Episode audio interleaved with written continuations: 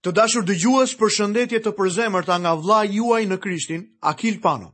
Është gëzim i veçantë dhe privilegj njëkohësisht që të mund të studiojmë fjalën e Perëndisë së gjallë së bashku. Ju kujtoj që jemi duke studiuar librin e Levitikut, në emisionin e kaluar studiuam kapitullin e 25 të këtij libri. Në këtë kapitull, tema ishte viti shtunor, viti i jubileut, shpengimi i pronës dhe shpengimi i personit. Studimin e sotëm do ta vazhdojmë me çështjen e shpengimit të pronësisë. Menjëherë pa u vonuar, le të lexojmë kapitullin e 25 të librit të Levitikut dhe aktualisht vargjet 25 deri në vargun e 27. Në qoftë se yt vëlla bëhet i varfër dhe shet një pjesë të pronës së tij, Ai që ka të drejtën e shpengimit, i afërti i tij më i ngushtë do të vijë dhe do të shpengojë atë që vëllai i tij ka shitur. Dhe në qoftë se dikush nuk ka njeri që të mund ta shpengojë pronën e tij, por arrin të gjejë vetë shumën e nevojshme për shpengimin, do të numërojë vitet që kaluan dhe do t'i japë blerësit shumën e viteve që mbeten akoma dhe do të rifitojë kështu pronën e tij. Nga një vit jubile tek tjetri, ishte një kohë shumë e gjatë. Nëse një njeri e humbiste pronësinë e tij pak kohë pas jubileut, ekzistonte mundësia që ai të mos ishte i gjallë për të gëzuar atë vitin tjetër të jubileut. Kështu që Perëndia dha një kusht tjetër për rikthimin e tokës. Nëse do të kishte ndonjë të afërt të pasur dhe do të ishte i gatshëm, ai mund të ishte në gjendje ta shpengonte pronësinë e tij dhe toka mund t'i kthehej pronarit të mëparshëm. Kjo varej nga gatishmëria e të afërmit. Ky ishte ligji i të afërmit shpengues, të cilin do ta shohim të funksionojë në librin e Ruthit. Do të lexojmë tani në kapitullin e 25 të Levitikut, vargjet 28 deri në vargun e 34.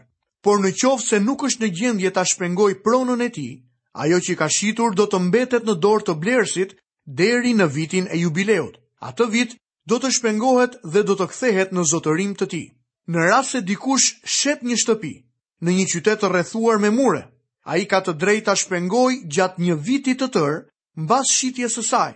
E drejta e riblerjes zgjat një vit të tërë. Por në qoftë se shtëpia që ndodhet në qytetin e rrethuar me mure nuk është riblerë, para se të ketë kaluar një vit i tërë, ajo do të mbetet përgjithnjë pronë e blerësit dhe trashëgimtarëve të tij. Nuk do të shpengohet me rastin e jubileut. Shtëpitë e fshatrave, të parrethuara me mure, do të konsiderohen përkundrazi si tokë bujqësore. Mund të shpengohen dhe me rastin e jubileut do të jenë të shpenguara. Për sa u përket qyteteve të levitëve, levitët do të mund të riblejnë gjithnjë shtëpitë e qyteteve që ishin pronë e tyre. Në rast se pastaj dikush blen një shtëpi nga levitët, shtëpia e shitur në qytet që është pronë e tyre do të shpengohet vitin e jubileut, sepse shtëpitë e qyteteve të levitëve janë pronë e tyre në mes të bijve të Izraelit. Por tokat e kullotës së qyteteve të tyre nuk mund të shiten, sepse janë pronë e përjetshme e tyre. Ligjet vendoseshin në lidhje me banimin dhe ndërtesat në pronësi. Amortizimet merreshin në konsideratë gjithashtu. Për levitët, zbatimi i rregullave ishte i ndryshëm. Tani le të shikojmë se çfarë Bibla flet për shpengimin e personit. Për këtë do të lexojmë në po të njëjtin kapitull, pra kapitulli i 25 i Levitikut, vargjet 35 deri në vargun e 37. Në rast se vëllai yt varfërohet dhe ndodhet ngushtë në mes tuaj, ti do ta përkrahësh si të huaj dhe si mik që do të mund të jetojë pranë teje. Mos nxirr nga ai asnjë përfitim ose dobi, por ki frikë nga Perëndia yt dhe vëllai yt do të jetojë pranë teje. Nuk do t'i japësh hua paratë e tua me kamatë, as do t'i japësh ushqimet e tua për të nxjerrë ndonjë fitim. Perëndia ishte jashtëzakonisht i qartë për sa i përket përkujdesjes për njerëzit e mirë. Ata duhet të ndihmoheshin dhe prej tyre nuk duhej nxjerrë asnjë përfitim. Lexojmë më poshtë vargjet 38 deri në vargun e 46. Unë jam Zoti, Perëndia juaj, që ju nxorri nga vendi i Egjiptit, që t'ju jap vendin e Kanaanit, dhe që të jem Perëndia juaj. Në rast se vëllai yt që jeton pranë teje bëhet i varfër dhe shitet tek ti, nuk do ta detyrosh të të shërbejë si skllav, por do të rrijë pranë teje si argat dhe si mik, do të të shërbejë deri në vitin e jubileut. Atëherë do të largohet prej teje, ai dhe bijtë e tij, dhe do të kthehet në familjen e tij, Kështu do të rifitojë pronën e etërve të tij. Sepse ata janë shërbëtorët e mi, që unë i kam nxjerrë nga vendi i Egjiptit. Nuk duhet pra të shiten si shiten skllevërit. Nuk do ta sundosh me ashpërsi, por të kesh frikë Perëndinë tënd. Sa për skllavin dhe skllaven që mund të kesh, do t'i marrësh nga kombet që ju rrethojnë. Prej tyre do të blini skllavin dhe skllaven. Mund të blini gjithashtu skllevër ndër bijtë e të huajve që jetojnë midis jush dhe midis familjeve të tyre që gjenden midis jush dhe që kanë lindur në vendin tuaj. Ata do të jenë pronë e juaj dhe mund t'ua lini si trashëgim bijve tuaj pas jush, si pronë e tyre. Mund t'i shfrytëzoni si skllevër përgjithnjë. Por sa për vëllezërit tuaj, bijtë e Izraelit, askush nuk do të sundojë mbi tjetrin me ashpërsi. Vëllai i afërt, që me siguri kishte një nivel të ulët të inteligjencës, duhej mbrojtur që të mos bëhej skllav. Ai duhej trajtuar si një shërbëtor i pajtuar me qira dhe jo si skllav. Ata lejoheshin të kishin vetëm të huaj si skllevër. Ky ishte një hap i madh përpara në botën e skllavërisë. Kështu ata adoptuan Ligjin e Mojsiut në doket dhe zakonet e tyre përgjatë asaj kohe. Lexojmë më poshtë në vargjet 47 deri në vargun e 55. Në rast se një i huaj që jeton pranë teje pasurohet dhe vëllai yt që jeton pranë tij varfërohet dhe i shitet të huajit ose mikut që ndodhet pranë teje ose dikujt nga familja e të huajit pas shitjes së tij mund të blihet përsëri, mund ta riblejë një nga vëllezërit e tij. Mund ta riblejë ungji i tij ose biri i ungjit të tij. Mund të riblihet nga një i afërt i po atij gjaku ose po të ketë mjetet mund të shpengohet vetë. Do të bëjë llogarinë me blerësin e tij, qysh prej vitit që iu shit atij deri në vitin e jubileut dhe çmimi që do të paguhet do të llogaritet në bazë të numrit të viteve, duke i vlerësuar ditët e tij si ato të një argati. Në qoftë se mbeten akoma shumë vjet, do ta paguajë shpengimin e tij në bazë të numrit të tyre dhe çmimit me të cilin qe blerë. Po të jetë se mbeten vetëm pak vite për të arritur në jubile, do ta bëjë llogarinë me blerësin e tij dhe do të paguajë çmimin e shpengimit të tij në bazë të pak viteve që kanë mbetur. Si argat le të mbetet bashkë me të Zotin një vit pas tjetrit. Por ky nuk do ta trajtojë me ashpërsi përpara syve të tua, dhe po nuk u shpengua me asnjë nga këto mënyra, do të lihet i lirë në vitin e Jubileut ai dhe bijtë e tij. Sepse bijtë e Izraelit janë shërbëtorët e mi, janë shërbëtorët e mi që i nxora nga vendi i Egjiptit. Unë jam Zoti, Perëndia juaj. Në këtë varg ndodhet zbatimi i ligjit të Jubileut tek personi, që jo vetëm kishte humbur pronësinë, por që kishte shitur edhe veten e tij. Ai mund të përfitonte shërbimin e të afërmit shpengues, nëse i afërmi do të ishte i gatshëm dhe i aftë për ta çliruar atë përpara vitit të Jubileut. Ti dhe unë kemi një të afërm shpengues. Ai është i pasur. Për shkakun tonë, Ai ishte i gatshëm të bëhej i varfër në mënyrë që të derdhte gjakun e tij të çmuar si shpengim për ne. Ai jo vetëm që shpengoi personin tonë, por gjithashtu pagoi çmimin për këtë tokë të mallkuar. Toka pra, gjithashtu shpengohet nga mallkimi që ishte mbi të. Ligji i të afërmit shpengues na çon tek Zoti ynë Jezu Krisht, i cili është i afërmi ynë shpengues. Të dashur vëllezër, këtu kemi përfunduar edhe studimin tonë në kapitullin e 25 të Levitikut dhe do të vazhdojmë menjëherë studimin në kapitullin e 26 të këtij libri. Tema e kapitullit të 26 të Levitikut është prologu i dekreteve të tokës së Izraelit, premtimi i bekimit, shpallja e gjykimit, premtimi i restaurimit patriarkëve. Ky kapitull është një kapitull i mrekullueshëm.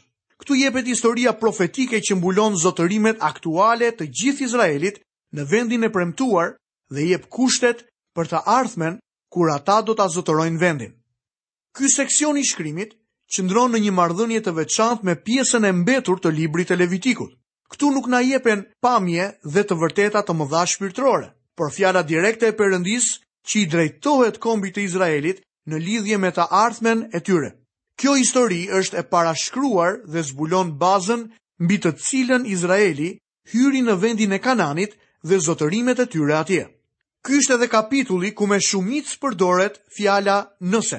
Fjala nëse shfaqet nëntë herë dhe ka të bëjë me kushtet me të cilat izraelitët do të marrin tokën në zotërim. Perëndia thotë, Unë do të. Dhe kjo përdoret 24 herë. Perëndia do të vepronte dhe reagonte në bazë të përgjigjeve të tyre ndaj fjalës nëse. Bindja është baza e bekimit në vend. Ky kapitull nuk është vetëm kalendari i historisë së tyre, por shërben gjithashtu edhe si barometër i bekimeve të tyre. Prezenca e tyre në vend, reshjet e shiut dhe prodhimet e bollshme ishin treguesi i favorit të Perëndisë. Mospasja e vendit, krizat e urisë, thatësirat tregonin gjykimin e Zotit për shkak të mosbindjes së popullit të tij. Ti dhe unë jemi të bekuar me të gjitha bekimet qiellore në Krishtin Jezus. Gjithsesi, Ka edhe disa nëse që janë të lidhura me të. Perëndia të do dhe dëshiron të hedhë mbi ty në formë rrebeshi të gjitha bekimet e tij. Por ndoshta ti mund të vendosësh një çadër indiferentizmi, mëkati ose një çadër largimi nga vullneti i Zotit. Nëse bën diçka të tillë, rrezet e shndritshme të dashurisë së tij nuk do të mund të depërtojnë për të arritur tek ti. Ti duhet të largosh çadrën tënde për të provuar bekimet e Perëndisë në jetën tënde. Do të lexojmë më poshtë në kapitullin e 26 të Levitikut, vargun e parë dhe të dytë. Nuk do të bëni idhuj, nuk do të ngrini figura të gdhendura ose ndonjë kolonë dhe nuk do të vendosni në vendin tuaj asnjë gur të stolisur me figura, me qëllim që të përuleni përpara tij, sepse unë jam Zoti Perëndia juaj. Do të respektoni të shtunat e mia dhe do të respektoni shenjtëroren time. Unë jam Zoti. Këto dy vargje përmbledhin pjesën e parë të 10 urdhërimeve. Marrëdhënia e njeriut me Perëndinë. Këto ishin thelbësore që Izraeli, populli i Zotit, të ruante vendbanimin e tij. Ata duhet t'u përmbaheshin këtyre urdhërimeve nëse dëshironin të zotëronin tokën. Toka u ishte dhënë atyre, por kënaqësia dhe zotërimi i saj varej nga bindja e tyre ndaj Zotit. Së pari, ata nuk duhej të bënin idhuj. Fjala hebreje e përdorur për fjalën idhull është fjala elilim, që do të thotë asgjë. Ata nuk duhet të bënin asnjë asgjë, miqtë e mi. Është shumë e vështirë të mos bësh asgjë. edhe ende ka shumë veta që nuk bëjnë asgjë në lidhje me marrëdhënien e tyre me Perëndinë. Çdo gjë që zë vendin e Perëndisë është asgjë. Fjala e dhënë për figurat e gdhendura do të thotë një imazh i gdhendur në dru. Dhe fjala për gurët e stolisur do të thotë idhuj prej guri të stolisur. Njerëzit nuk duhet të adhuronin një imazh dhe as të përuleshin përpara tij. Kjo është një përsëritje e asaj që tashmë u ishte thënë popullit të Perëndisë tek libri i Levitikut në kapitullin e 19 dhe vargun 30. Së dyti, në këtë varg gjejmë respektimin e së shtunës. Dhe së treti, Zoti thotë, respektoni shenjtëroren time. E shtuna, shenjtërorja dhe çështja e adhurimit të Zotit vijnë të gjitha si një paketë. Karakteri i Zotit është baza për bindjen ndaj këtyre urdhërimeve. Unë jam Zoti. Lexojmë më poshtë vargjet 3 deri në vargun e 6. Në rast se silleni simbas statuteve të mia, nëse respektoni urdhrat e mia dhe i zbatoni në praktikë, Unë do t'ju jap shirat simbas stinëve, toka do të japë prodhimin e saj dhe drurët e fshatit do të japin frytat e tyre. Shirat do të vazhdojnë deri në kohën e vjeljes së rrushit dhe vjelja e rrushit do të vazhdojë deri në kohën e mbjelljeve. Do të hani bukën tuaj sa të ngopeni dhe do të banoni të sigurt në vendin tuaj. Unë do të bëj që të mbretërojë paqja në vend. Do të bini në shtrat dhe askush nuk ka për t'ju trembur. do të zhdukë nga vendi juaj kafshët e këqija dhe shpata nuk ka për të kaluar nëpër vendin tuaj. Nëse do të vini re, ky pasazh fillon me një në rast se. Nëse ata do të ecnin në mënyrën e përshkruar, Zoti u premtonte disa gjëra, Zotërimi i tokës së tyre ishte pjesë e bindjes ndaj vullnetit të Zotit i cili u qe zbuluar. Perëndia pranon vullnetin e tyre të lirë. Nëse do të bindesh, Perëndia do të të bekojë. Duket qartë se në vend, treguesi kryesor i bekimit të Zotit si përgjigje ndaj bindjes së tyre janë shirat. Ne gjejmë këtë të përsëritur edhe tek Ligji i Përtërirë, edhe tek profetët. Le të lexojmë disa vargje nga Ezekieli, Amosi dhe libri i profetit Joel. Dhe do t'ua bëj të bekuara vendet rreth kodrës sime, do të bëj të bjerë shiu në kohën e duhur dhe do të jenë shira bekimi. Druri i fushës do të japë frytin e tij dhe toka prodhimet e saj. Ato do të jenë të sigurta në tokën e tyre dhe do të pranojnë që unë jam Zoti, kur do të këpus shufrat e zgjedhës së tyre dhe do t'i çliroj nga dora e atyre që i mbanin në skllavëri. Profetët hedhin vështrimin në ditën kur kjo profeci do të përmbushet në Izrael. Kjo është një ditë që ende nuk ka ardhur. Ja, ditët po vijnë, thotë Zoti, Kur ai që lëron do t'i afrohet atij që korr, dhe ai që shtrydh rrushin, atij që hedh farën. Atëherë malet do të kullojnë musht, që do të rrjedhë poshtë nëpër kodra. Prandaj gëzohuni o bij të Sionit, edhe kënaquni, ngazëllohuni tek Zoti Perëndia juaj, sepse ju ka dhënë shiun e parë me drejtësi dhe do të bëjë të bjerë për ju shiun shiun e parë dhe shiun e fundit në muajin e parë. Lëmenjtë do të jenë plot me grurë dhe në butet do të grafullojë mushti dhe vaji. Premtimi i Zotit për ta është zotërimi i tokës. Shirat, frutshmëria dhe paqja. Është interesant fakti se ky komb i vogël nuk mund të ketë paqe sot, Nuk ka vlerë për ne të drejtojmë gishtin tonë mbi ta, sepse edhe pjesa tjetër e botës nuk ka paqe gjithashtu. Gjithçka përmblidhet vetëm tek një fjalë e vogël, fjala nëse. Perëndia ka premtuar të të bekojë nëse ti kryen disa gjëra. Lexojmë vargun 7 dhe vargun e 8. Ju do t'i ndiqni armiqtë tuaj dhe ata do të bien para jush të shpuar tej për tej nga shpata. Pesë prej jush do të ndjekin një qind prej tyre, dhe një qind prej jush do të ndjekin dhjetë mijë prej tyre, dhe armiqtë tuaj do të bien para jush të shpuar tej për tej nga shpata. Fitorja mbi armiqtë e tyre do të ishte një pjesë e bekimit të tyre. Shumë herë kjo gjë është përmbushur, ashtu siç e dini edhe ju. Kur ata do të fillonin të ktheheshin tek Perëndia, Perëndia do të ngrinte një Samuel, një David, një Debora, Gideon apo Elia. Të gjithë këta u ngritën për shkak se Perëndia po plotësonte premtimet e tij të bëra që më parë. Ata do të ishin fitimtarë ndaj armiqve të tyre për shkak të bekimeve të Perëndisë.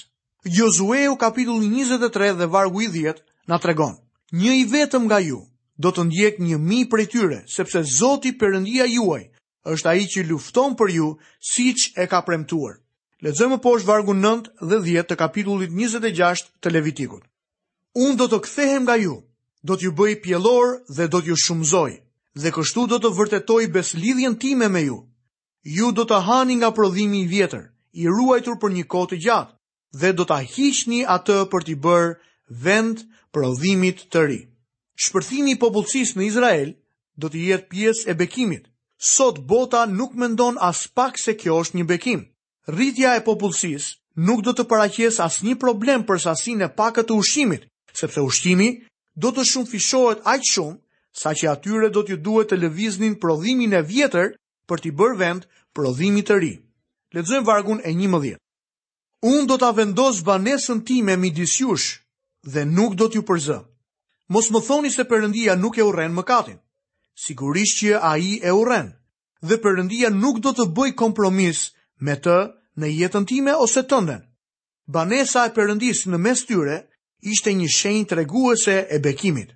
Kjo është shpresa e madhe e së ardhmes e cila do të përmbushet përfundimisht në tokën e përjetshme. Libri i Zbulesës kapitulli 21 dhe vargu i 3 na tregon: Dhe dëgjova një zë të madh nga qielli që thoshte: Ja tabernakulli i Perëndisë me njerëzit. dhe ai do të banojë me ta, dhe ata do të jenë populli i tij, dhe vetë Perëndia do të jetë bashkë me ta Perëndi i tyre. Kthehemi te kapitulli 26 i Levitikut, lexojmë vargun e 12. Do të eci midis jush dhe do të jem Perëndia juaj, dhe ju do të jeni populli im. Perëndia premton të ketë miqësi me ata që i binden. Të njëjtën gjë, ai po na e thoshte edhe ne sot. Do të shikojmë tek letra e parë e Gjonit, kapitulli i parë dhe vargu i shtatë. Gjoni thotë, por po të ecim në dritë, sikurse ai është në dritë, kemi bashkësi njëri me tjetrin, dhe gjaku i Jezu Krishtit, birit të tij, na pastron nga çdo mëkat. Perëndia kërkon të ketë miqësi me ne. Apostulli Paul në letrën e dytë drejtuar Korintasve na tregon: Dhe çfarë marrëveshje ka tempulli i Perëndisë me idhujt? Sepse ju jeni tempulli i Perëndisë së gjallë, sikurse tha Perëndia, Unë do të banoj në mes tyre dhe do të ec ndër ta. Do të jem Perëndia i tyre dhe ata do të jenë populli im. Kthehemi sërish tek kapitulli 26 i Levitikut, vargu i 13. Unë jam Zoti, Perëndia juaj që ju nxori nga vendi i Egjiptit, që të mos ishit më skllevërit e tij. E kam thyer zgjedhën tuaj dhe kam bërë që të ecni me kokën lart. Premtimi i ardhshëm i bekimit qëndron mbi historinë e qëndrueshme të së kaluarës, kur Zoti i çliroi ata nga Egjipti. Ai u tha, Unë e kam bërë këtë gjë për ju në të kaluarën. A nuk e dini se do ta bëj edhe në të ardhmen? Zoti na thotë të njëjtën gjë edhe ne sot, duke qenë i bindur për këtë, se ai që nisi një punë të mirë në ju, do ta përfundojë deri në ditën e Jezu Krishtit. Mund të jesh i bindur që përderisa Perëndia të ka sjellë në këtë vend, ai do të vazhdojë të drejtojë për tek dita e Jezu Krishtit. Haleluja për këtë ditë. I dashur dëgjues, këtu kemi mbërritur dhe në fundin e programit të sotëm. Ju kujtoj që vazhdimin e kapitullit të 26 të librit të Levitikut do ta studiojmë në emisionin e ardhshëm. Deri atëherë, nga vëllai juaj në Krishtin, Akil Pano, bashkë mirudëgjofshim.